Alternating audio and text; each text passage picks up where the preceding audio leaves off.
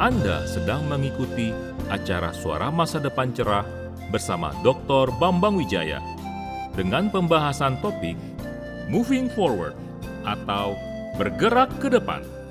Melalui acara ini, wawasan rohani Anda akan diperluas dan iman serta kasih Anda kepada Tuhan akan diperteguh.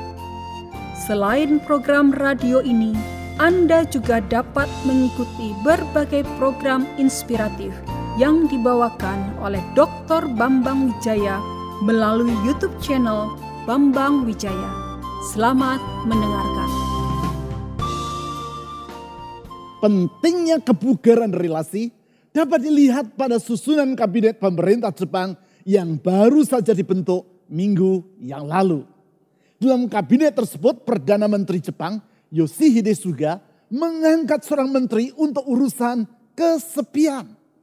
Alasan dari pengangkatan menteri dengan tugas yang sangat khusus ini adalah karena ditengarai terdapat kaitan yang erat antara peningkatan kasus bunuh diri di sepanjang tahun yang lalu dengan perasaan kesepian oleh sebab orang harus mengisolasi diri karena epidemi COVID-19. Tahun yang lalu, orang yang meninggal dunia karena COVID-19 di Jepang adalah sebanyak 2087 kasus. Sedangkan di tahun yang sama tercatat 2153 orang telah meninggal dunia karena bunuh diri. Artinya jumlah orang yang bunuh diri yang antara lain adalah karena alasan kesepian di masa pandemi ini tidak kalah banyaknya dibandingkan jumlah orang yang meninggal dunia karena virus COVID-19 itu sendiri. Data ini menunjukkan pentingnya peranan relasi dalam kehidupan manusia. Orang yang hidup dalam relasi yang sehat akan mampu melewati masa sukar tanpa terjerumus ke dalam sikap fatalistis atau keputusasaan yang meruntuhkan kehidupan. Berarti salah satu aspek kehidupan yang harus kita tata ulang dalam masa sukar seperti sekarang ini adalah relasi yang kita jalin dalam kehidupan kita. Relasi dalam artian yang luas. Baik relasi dalam keluarga, relasi antar suami istri, relasi di tempat kerja, di tengah masyarakat, dalam pergaulan, dan tentunya relasi dalam gereja. Relasi yang sehat seperti yang dicontohkan oleh Ruth, seorang tokoh dalam Alkitab di dalam kehidupannya. Relasi yang sehat dan yang memungkinkan Ruth melewati masa yang sukar, serta membuka lembaran baru yang segar dan yang mendatangkan berkat Allah yang lebih besar dalam kehidupannya. Untuk melihat kualitas relasi dalam diri Ruth tersebut, saya mengajak saudara untuk terlebih dulu membaca Rut pasal 2 ayat 8 sampai 9. Agar saudara dapat memahami pembacaan ini dengan baik, saya akan jelaskan secara singkat latar belakang dari ayat-ayat tersebut. Di ayat-ayat sebelumnya ditulis, bahwa ketika Ruth dan ibu mertuanya, Naomi, tiba di Bethlehem, saat itu merupakan permulaan dari musim menuai jelai. Maka Ruth pergi ke ladang untuk memungut sisa-sisa panen yang ditinggalkan oleh para penuai. Tak lama kemudian datanglah sang pemilik ladang yaitu Boas. Melihat Ruth yang nampak bahwa ia bukan orang setempat, maka Boas bertanya kepada mandor yang mengawasi panen di ladangnya tentang siapakah diri Ruth. Sang mandor menjelaskan bahwa Ruth adalah perempuan Moab yang datang ke Bethlehem karena mengikut Naomi, ibu mertuanya. Ia juga menceritakan tentang kegigihan Ruth dalam bekerja. Sekarang kita baca tanggapan Boas terhadap laporan dari mandornya itu tanggapan seperti yang tercermin dalam kata-kata yang ia ucapkan kepada Ruth dan yang dicatat di ayat 8 sampai 9. Ruth pasal 2 ayat 8 sampai 9. Sesudah itu berkatalah Boas kepada Ruth, Dengarlah dahulu anakku, tidak usah engkau pergi memungut jelai ke ladang lain dan tidak usah juga engkau pergi dari sini. Tetapi tetaplah dekat pengerja-pengerja perempuan. Lihat saja ke ladang yang sedang disabit orang itu. Ikutilah perempuan-perempuan itu dari belakang. Sebab aku telah memesankan kepada pengerja-pengerja lelaki, jangan mengganggu engkau. Jika engkau haus, pergilah ke tempayan-tempayan dan minumlah air yang dicedok oleh pengerja-pengerja itu. Di sini kita melihat tanggapan yang positif dari Boas terhadap Ruth. Ia menyuruh Ruth agar tetap memungut sisa-sisa panen di ladangnya. Ia melindungi Ruth dan mengizinkan Ruth untuk minum dari persediaan air yang disiapkan untuk para pengerja di ladangnya. Apakah yang menjadi alasan dari tanggapan yang positif ini? Apakah karena kecantikan dari Ruth? Alkitab sama sekali tidak menyebut tentang keelokan paras dari Ruth. Sehingga tentu bukan hal itu yang menjadi dasar dari perlakuan istimewa yang diberikan Boas kepadanya. Apakah karena kefasihan Ruth dalam berbicara? Atau karena kepandaian Ruth dalam bidang ini dan itu? Alkitab juga sama sekali tidak menyebut semua hal tersebut. Artinya tanggapan yang positif yang diberikan oleh Boas kepada Ruth bukanlah karena kemampuan yang ada pada diri Ruth. Lalu apa yang menjadi alasan dari perhatian Boas kepada Ruth?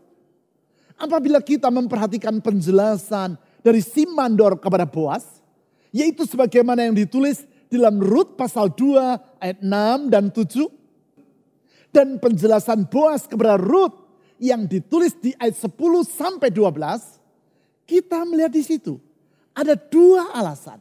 Yaitu pertama, etos kerja dalam diri Ruth.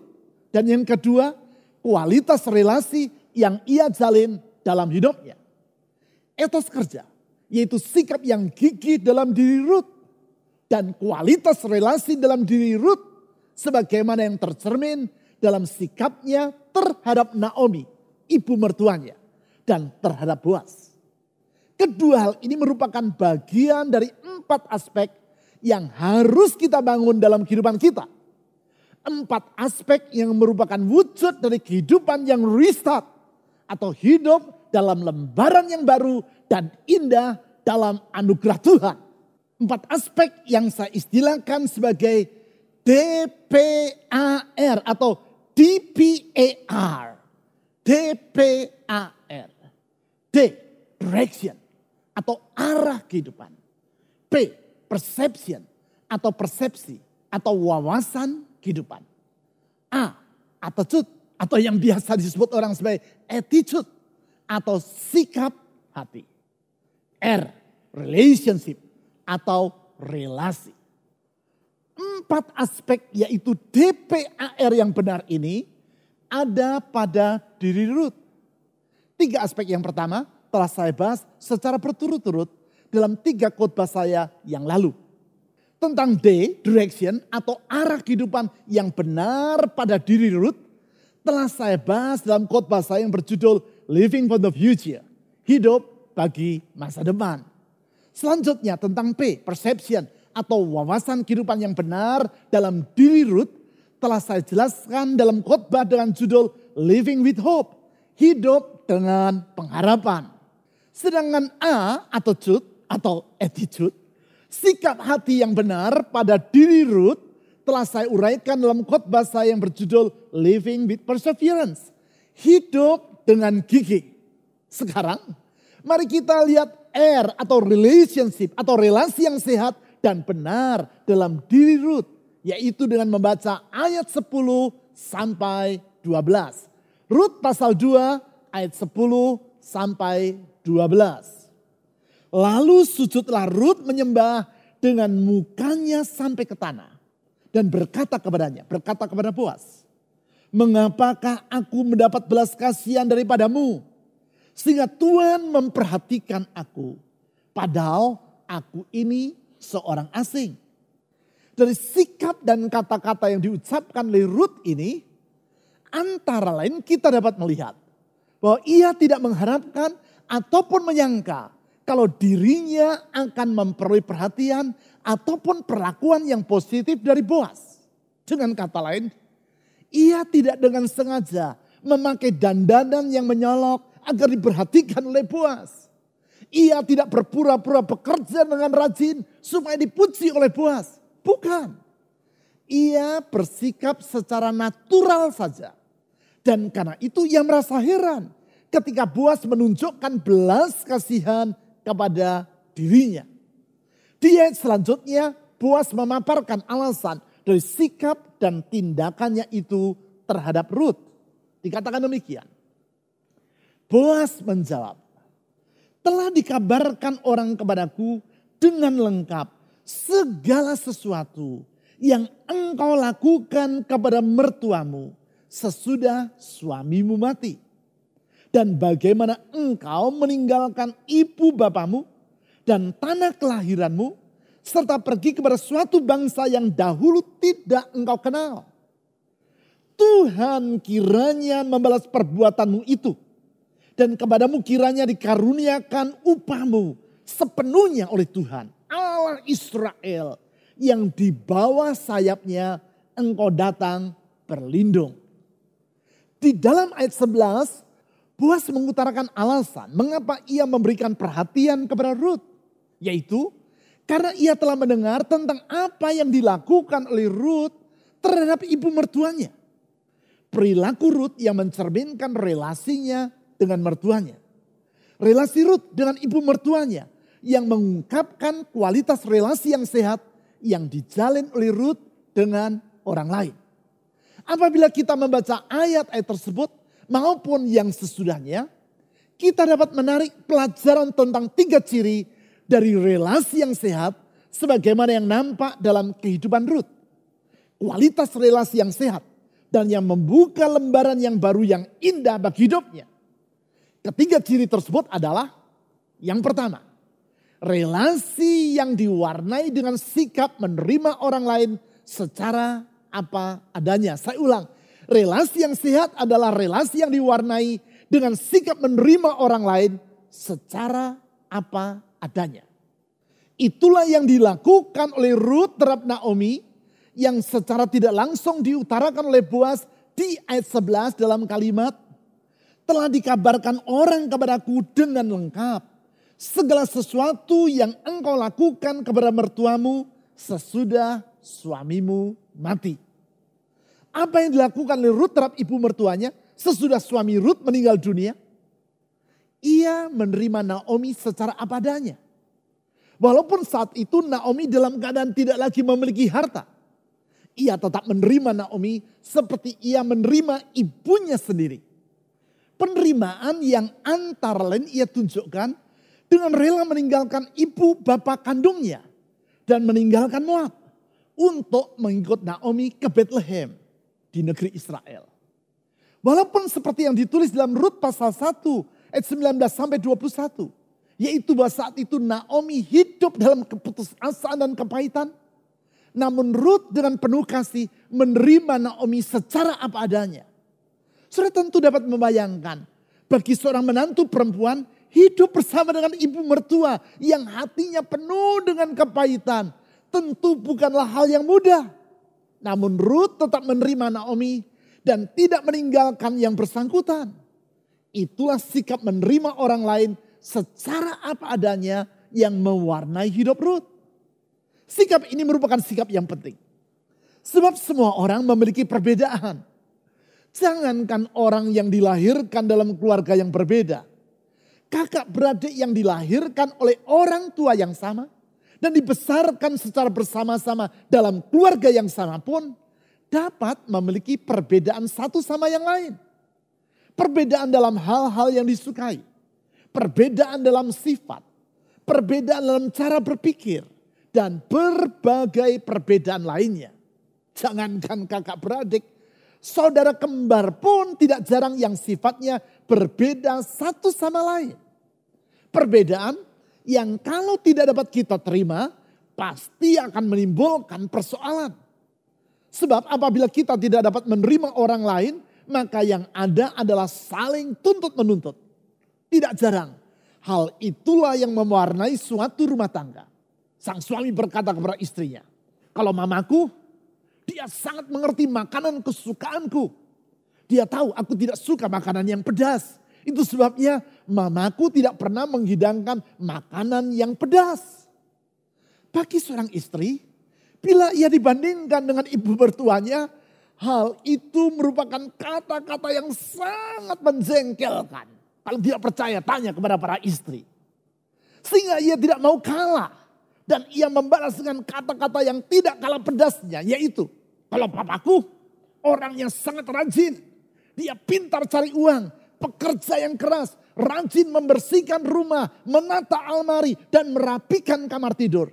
Tidak seperti kamu, malas dan jorok luar biasa. Pernahkah saudara atau saudari mendengar orang berkata seperti itu? Atau lebih tepatnya, pernahkah Anda berkata seperti itu? Bila dalam rumah tangga orang tidak dapat saling menerima, maka yang ada adalah saling menuntut. Dalam ibadah pemberkatan pernikahan, acap kali saya berkata kepada pasangan pengantin yang dinikahkan.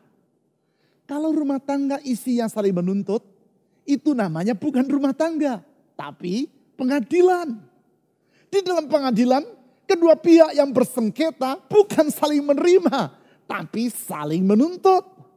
Jadi kalian berdua mau membangun rumah tangga atau membangun pengadilan. Kalau yang kalian bangun adalah pengadilan, maka rumah tanggamu tidak akan berbahagia. Perlu dicatat bahwa menerima orang lain tidaklah sama dengan membenarkan perbuatan dari yang bersangkutan. Beda, menerima dan membenarkan tidak sama. Ketika seseorang melakukan kesalahan, tentu kita tidak boleh membenarkan perbuatannya. Sebab bila seseorang melanggar peraturan dan kita membenarkan apalagi mendukung perbuatan yang bersangkutan, maka sama dengan kita telah terlibat dalam pelanggaran tersebut.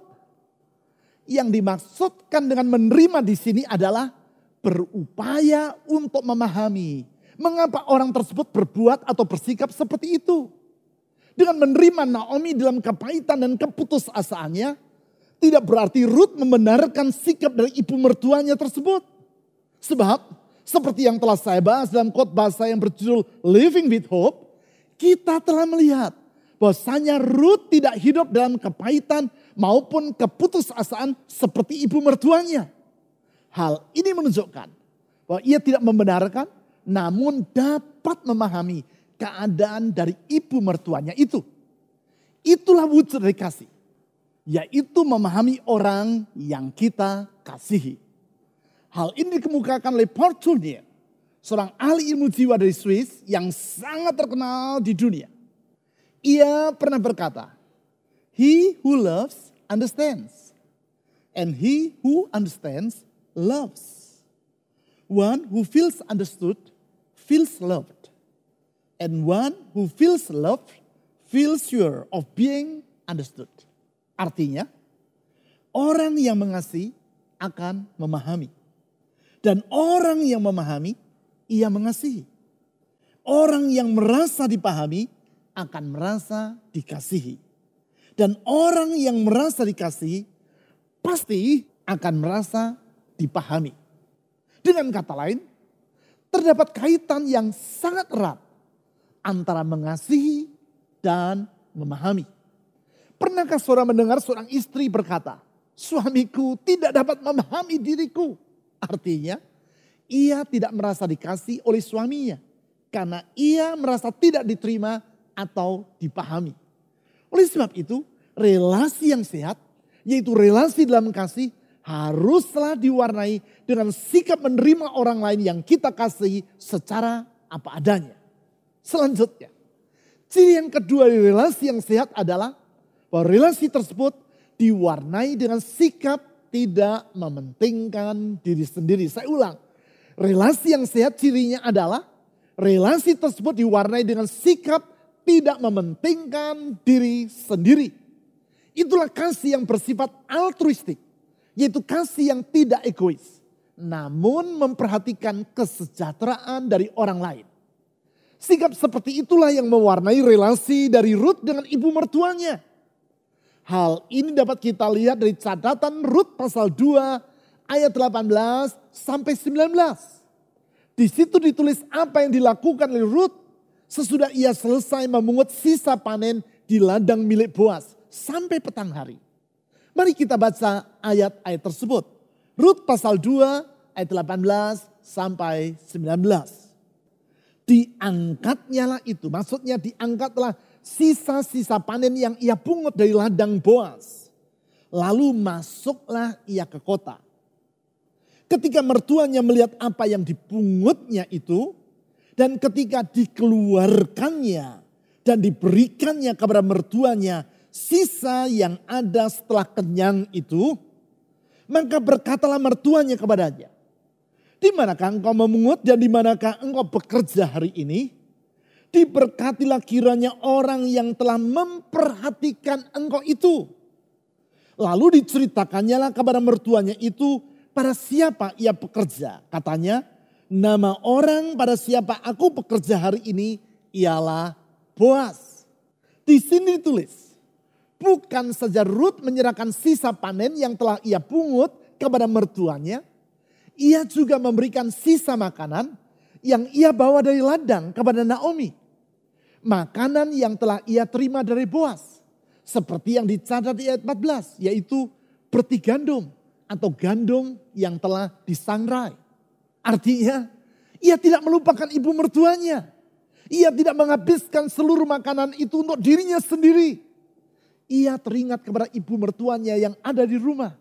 Dan menyisihkan sebagian dari makanan itu untuk Naomi. Itulah sikap tidak mementingkan diri sendiri.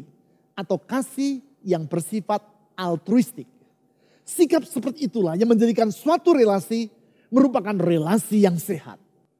Dalam khotbah saya bulan yang lalu, yaitu yang berjudul A New Direction, saya telah mengutip hasil penelitian yang dilakukan oleh National Opinion Research Center at the University of Chicago pada tahun 2006.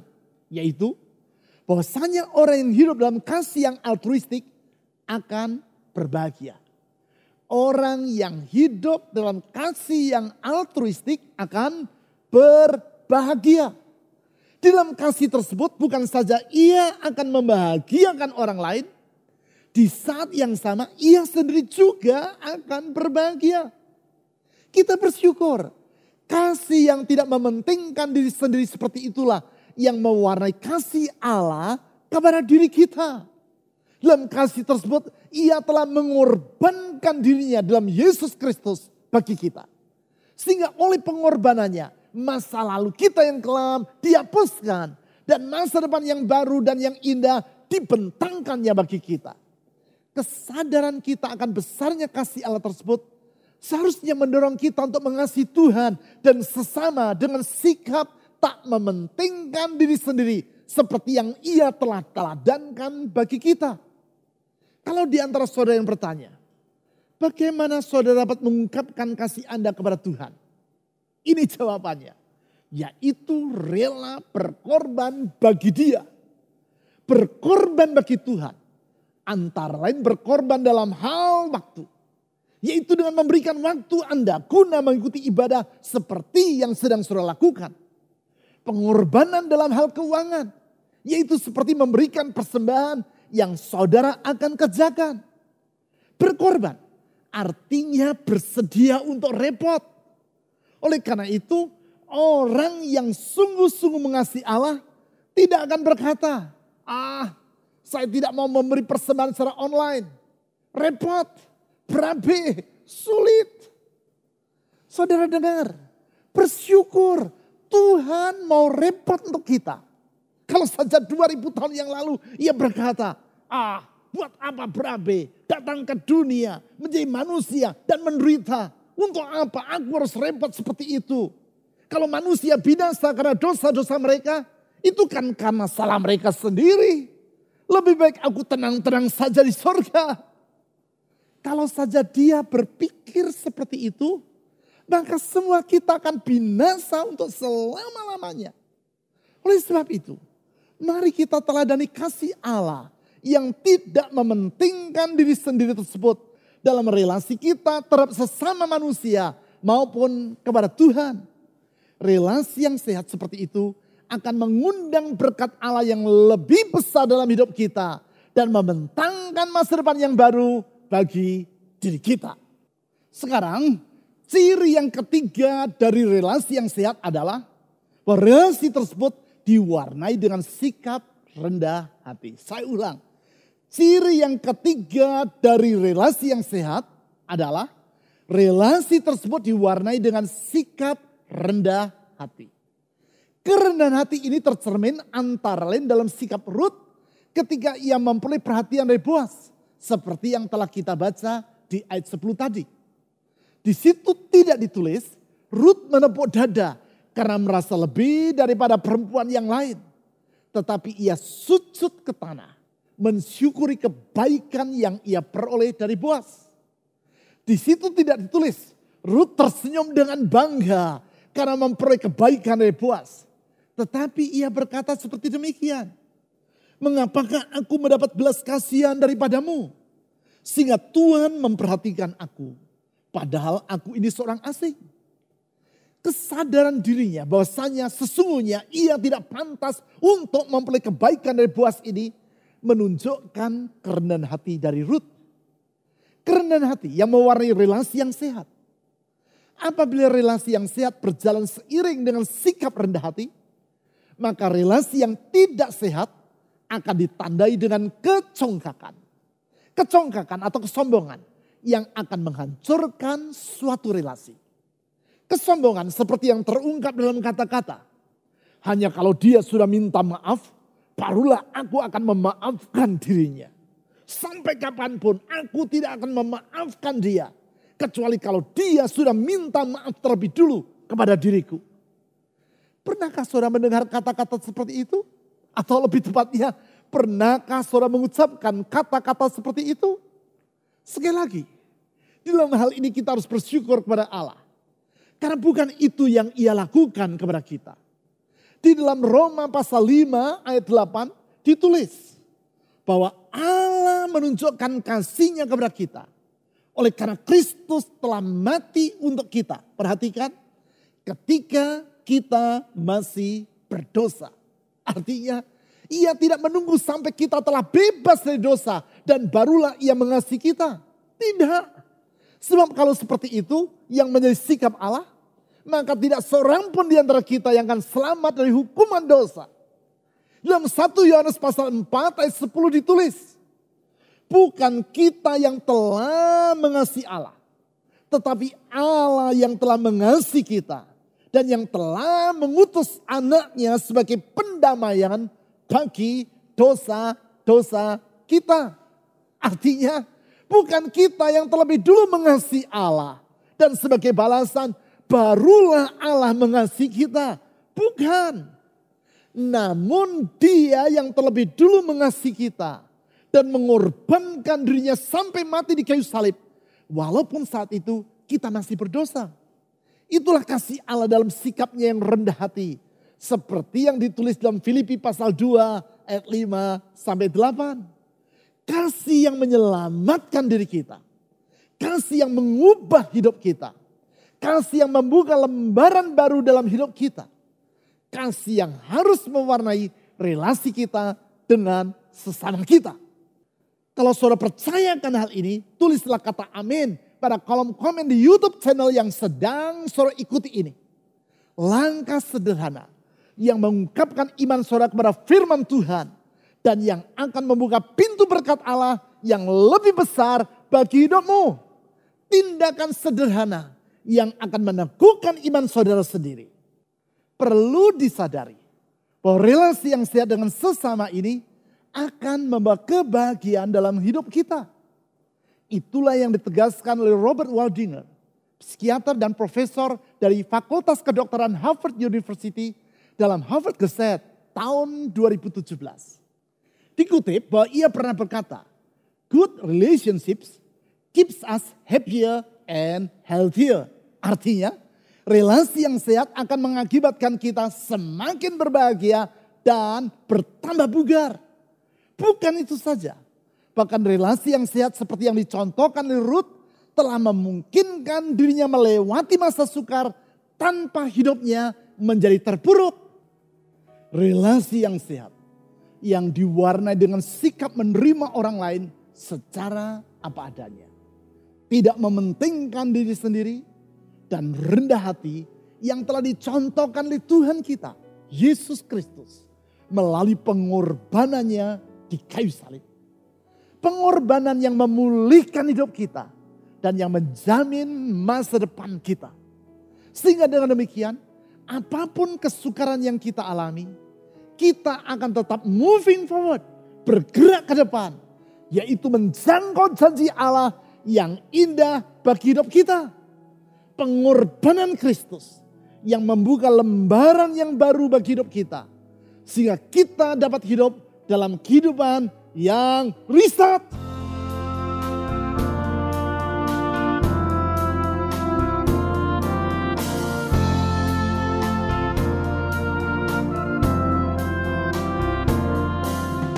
Anda telah mendengarkan acara Suara Masa Depan Cerah dengan pembahasan topik Moving Forward atau Bergerak ke Depan.